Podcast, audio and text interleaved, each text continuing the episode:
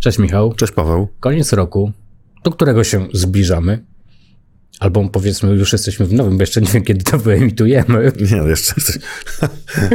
nie, ale to jest zawsze czas podsumowań, raportów, analiz, statystyk i tak dalej. E, chciałbym, byśmy sobie przez moment porozmawiali o tym, jak ty widzisz 2022 rok w kontekście elektromobilności, tego, co się zmieniło, co było ważne, co było mniej ważne, może co się nie stało, a powinno się stać. Wydarzyć. Y, z punktu widzenia statystyk, mhm. to był dziwny rok. Gdyż ja sobie tutaj przygotowałem Gdyż kilka y, statystyk. Mamy, y, mamy kilka, mieliśmy kilka istotnych problemów, czy wyzwań w tym roku. Słucham. E, pierwszy to była niedostępność samochodów, ograniczona dostępność, ciężko jest kupić auto nowe długo się na nie czeka. Stąd, tak. E, stąd pewnie o tym też powiesz. Ale jest dużo seresów. E, tak, ale innych nie ma. E, jakby to jest, to powoduje, że ten rynek rośnie trochę wolniej niż mhm. powinien rosnąć, moim zdaniem. Chociaż nie jest źle. Z drugiej strony, mieliśmy rok pod znakiem dotacji do szybkich stacji ładowania. Tak się zaczął.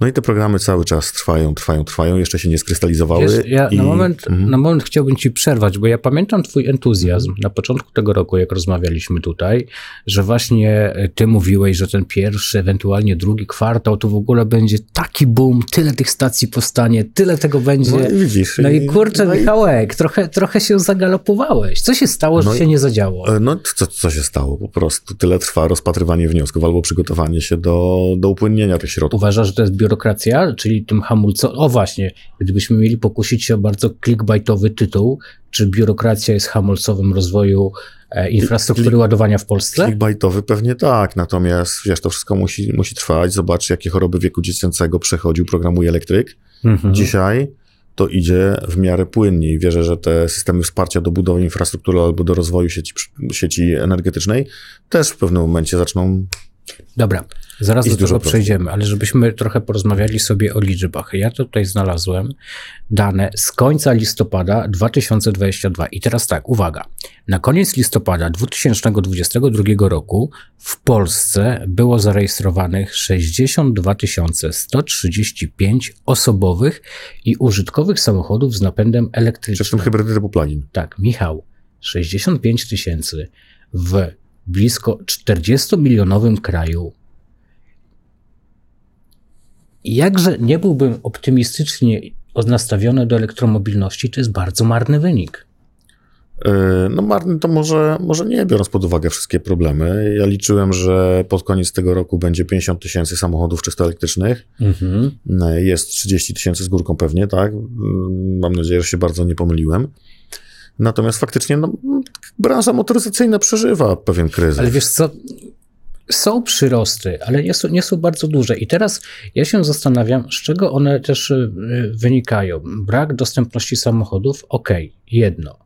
Na pewno ale, cena. Ale właśnie tak, może cena, może galopująca inflacja. Kryzys, że, trochę studzi. Tak, że, że są powody, E, no gdzieś tam na pewno do, na koniec dojdziemy do tej infrastruktury, chociaż ja cały czas stoję na stanowisku, że jeżeli mówimy o miastach, zwłaszcza w dużych miastach, e, to ta infrastruktura jest, jest ok, jest wystarczająca. Problemy się pojawiają, jeżeli gdzieś tam bardzo daleko chcemy podróżować, zwłaszcza na skraj wschodni naszego kraju, no to jest, jest trochę większy problem, ale tu na razie zostawmy.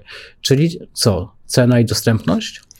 E, tak, no generalnie dostępność, cena pewnie tak i ta niestabilna sytuacja. A co uważasz cały czas o, mm, o tym, że samochodami elektrycznymi póki co jeżdżą osoby bardzo entuzjastycznie do nich nastawione. Takie, no nie chciałbym powiedzieć, wiesz, e, jakby, jakiego, żeby tu nikogo... Wyznawcy. Tak, nie obrazić. Wyznawcy. Poczekaj, poczekaj. Natomiast jakby ta, ta większa część społeczeństwa, większa część kierowców cały czas trochę sceptycznie do tego podchodzi, powielając non-stop właśnie te, nie chciałbym powiedzieć mity, ale o małym zasięgu, małej baterii, małej kiepskiej infrastrukturze i tak, tak dalej. I tak dalej, tak dalej. To się zmienia. Mhm. E, to się zmienia. Kierowcy, którzy wsiadają w elektryki, wiesz, no powtarzamy to zawsze, ale zaraz ktoś nam powie, że siejemy jakiś populizm. Mhm. Kierowcy nieprzekonani, którzy wsiadają do elektryków, jakby wierzą w to, że, że to jest e, normalny samochód, Ja pojeździę samochodem z zasięgiem powiedzmy 450 km, 400 na trasie.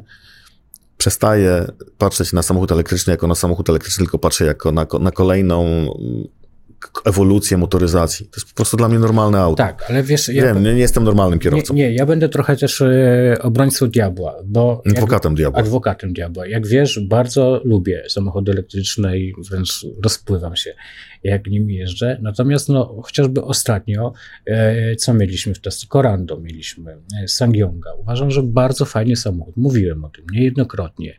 Natomiast już jeżeli robiłem tam trochę, te, ja nim przejechałem przez tydzień ponad 1000 kilometrów i w tych warunkach atmosferycznych, gdzie na trasie robi ci się sporo poniżej 300 km, tam jest 200 powiedzmy z hakiem takiej, takiej nieco szybszej jazdy, wcale nie szaleją, są powiedzmy 120-130, to jeszcze Michał jest nie to. Ale co, miałeś jakiś dyskomfort z tym związany, czy po prostu tak zaplanowałeś Psychiczny. Psychiczny. Psychiczny, no nie, no, ale nie stanąłeś pewne, w polu znaczy, wiesz co, słuchaj, ja... Nie jechałeś 30 na godzinę, No tak, czy... no bo ja uczę się planować. No to jest to, o czym my cały czas mhm. rozmawiamy, że planujemy. Ale jednak, wiesz, y, zmierzam do tego, że ten optymalny zasięg w autach elektrycznych, no powiem według mnie to 400 powinny być przy szybkiej jeździe. I wtedy byłoby bardzo komfortowo. Okay. 200 z hakiem według mnie jeszcze jest za mało i być może to jest ten powód, e, czemu te opinie cały czas takie się pojawiają. 200 z hakiem faktycznie do podróży międzymiastowych to jest za mało, no ale są samochody, które mają 400 i więcej. Mhm.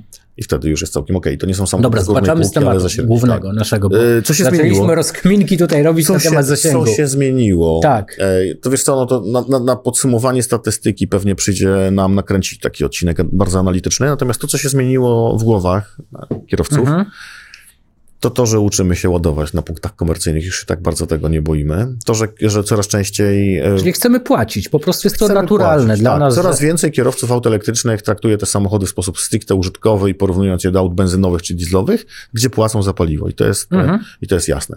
Pojawia się coraz więcej inwestorów, coraz bardziej świadomych, którzy chcą przy swoich obiektach komercyjnych albo i nie, albo w ogóle chcą inwestować w sieci ładowania, są gotowi właśnie wydać e, swoje, swoje środki na to, żeby zainwestować w stacje ładowania samochodów elektrycznych. To się zmieniło. To jest fajne, bo to jest taka już dojrzałość biznesowa, tak. można powiedzieć. E, zmieniło się dużo wśród menadżerów floty, którzy wreszcie postrzegają samochody elektryczne jako równorzędny środek transportu, y, równorzędny samochód, który może być z powodzeniem samochodem służbowym.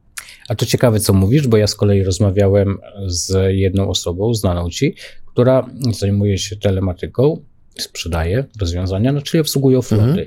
I właśnie on powiedział, że oni nie obserwują aż tak dużej Mm, tak dużego entuzjazmu w stosunku do samochodów elektrycznych, czyli że te auta elektryczne w dużych flotach no, są wymieniane, ale nie tak bardzo szybko. Wiesz, bo to jest kwestia podejścia do rynku i obserwacji tego, co się dzieje. Mhm. Jakbym siedział z boku e, tego rynku i zajmował się e, flotami, to bym powiedział, faktycznie nie dzieje się nic.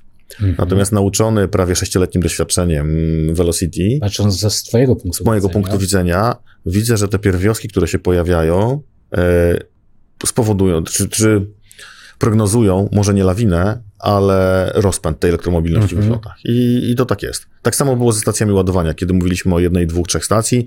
Dzisiaj mówimy o dwóch No wiesz, jakbyśmy tak? spojrzeli na te 60 kilka tysięcy, które mamy zarejestrowanych i zobaczyli, ile z tego jest samochodów flotowych, a ile prywatnych, no to może nawet pół na pół by było już dzisiaj. No, musimy się pochylić nad tym. Tak, bo to jest, no to rzeczywiście by pokazywało, mimo że to cały czas jest trochę mikroskala, ale jednak, e, jednak trendy są zauważalne. Dokładnie tak, więc jak tutaj bym się e, ten rynek, w ogóle cały rynek motoryzacyjny, bo tu mówimy o tym roku 2022 jako, ryn, mhm. rynki, ryn, e, jako roku, który jest bardzo problematyczny dla branży automotywowej. On w ogóle był trudny. Trudny był. Trudny. Były problemy z dostępnością, były problemy z, e, z terminowością dostaw, mhm. były problemy z podwyżką cen. Zresztą te podwyżki pewnie grożą nam jeszcze w przyszłym roku bardzo, bardzo mocno, jeśli chodzi o samochody i nie tylko elektryczne, ale również ale spalinowe. Ale dotykasz bardzo też fajnej rzeczy, podwyżki, ale my mówimy nie tylko o podwyżkach e, cen. A jak twoim zdaniem podwyżki energii? No bo jesteśmy cały czas e, i, i zapowiada się, że jeszcze będą wyższe. To jest, to... Jak mogą wpłynąć na ten rynek? To jest, taki, y, to jest taki bloker, który się pojawia na ustach wielu przeciwników samochodów mhm. elektrycznych, natomiast po tym, co się dzieje w sieci, nie widzimy, nie, nie, nie widzimy zahamowania. Ja słyszałem z kolei opinię, tak jak mówię, powielam opinię, że wiele osób, y, mówimy tutaj o biznesie, o firmach, odkłada decyzję o zakupie samochodów elektrycznych, przynajmniej do pierwszego kwartału przyszłego roku, podejrzewam końca pierwszego kwartału przyszłego roku, gdyż chcą zobaczyć Ceny paliw płynnych na stacjach benzynowych. ceny pany płynnych, płynnych versus ceny energii. cen energii, jasne. Wiesz, bo y, łatwo jest przestrzelić dzisiaj, bo nie wiemy. No tak, tylko to są takie rzeczy, na które nie mamy wpływu Mhm. e, i, e, i nie mamy też wpływu na to, że coraz więcej koncernów deklaruje e, tą krótszą niż drogę do elektromobilności niż rok 2035. Więc trochę, trochę możemy się znaleźć w sytuacji, kiedy nie będziemy mieli wyjścia, żeby się przesiąść na No tak, a firmy elektromobilność. używkami jeździć przecież całe życie Nie będą, ale z drugiej Tak. strony są takie organizacje, są takie firmy, które mogą trochę przeciwdziałać tym e, wysokim cenom energii. Zresztą są instrumenty na rynku, które to pozwalają. Mówię tutaj o, jeśli chodzi o przeciwdziałać, czyli na przykład Aha. budowie własnych źródeł energii odnawialnej, czy inwestycje w Mhm. fotowoltaikę. Mm, No ale też coraz więcej firm de- decyduje się na zakup energii na, na giełdzie i tam można uzyskać dalej e, ceny, które są ok. To prawda, to w ogóle jest bardzo fajny temat ten na, na zupełnie oddzielny odcinek, żeby sobie e, o tym porozmawiać. To dzisiaj no. tak troszkę popływaliśmy. Jeśli Ale popłyńmy jeszcze chwilę, Mhm. jeżeli, jeżeli dysponujesz czasem, bo widzę, że tutaj coś cię tam goni. Mnie go- Gonisz. Ale- Ale... Mnie dzisiaj złapałeś trochę do tego No, studia. No dobra, no to jeszcze, co jeszcze takiego fajnego, bądź niefajnego y, w tym roku się wydarzyło? No mieliśmy dużo premier ciekawych samochodów. Mhm. E, mieliśmy deklarację znowu co do Izery e, i podpisanie... O Jezu, zapomniałem o tym. Nie, ale, nie, ale to nie jest krok odcinek analityczny dzisiaj. Ale mieliśmy, e, mieliśmy, moim zdaniem trochę mało się wydarzyło w zakresie elektromobilności Mhm. wodorowej.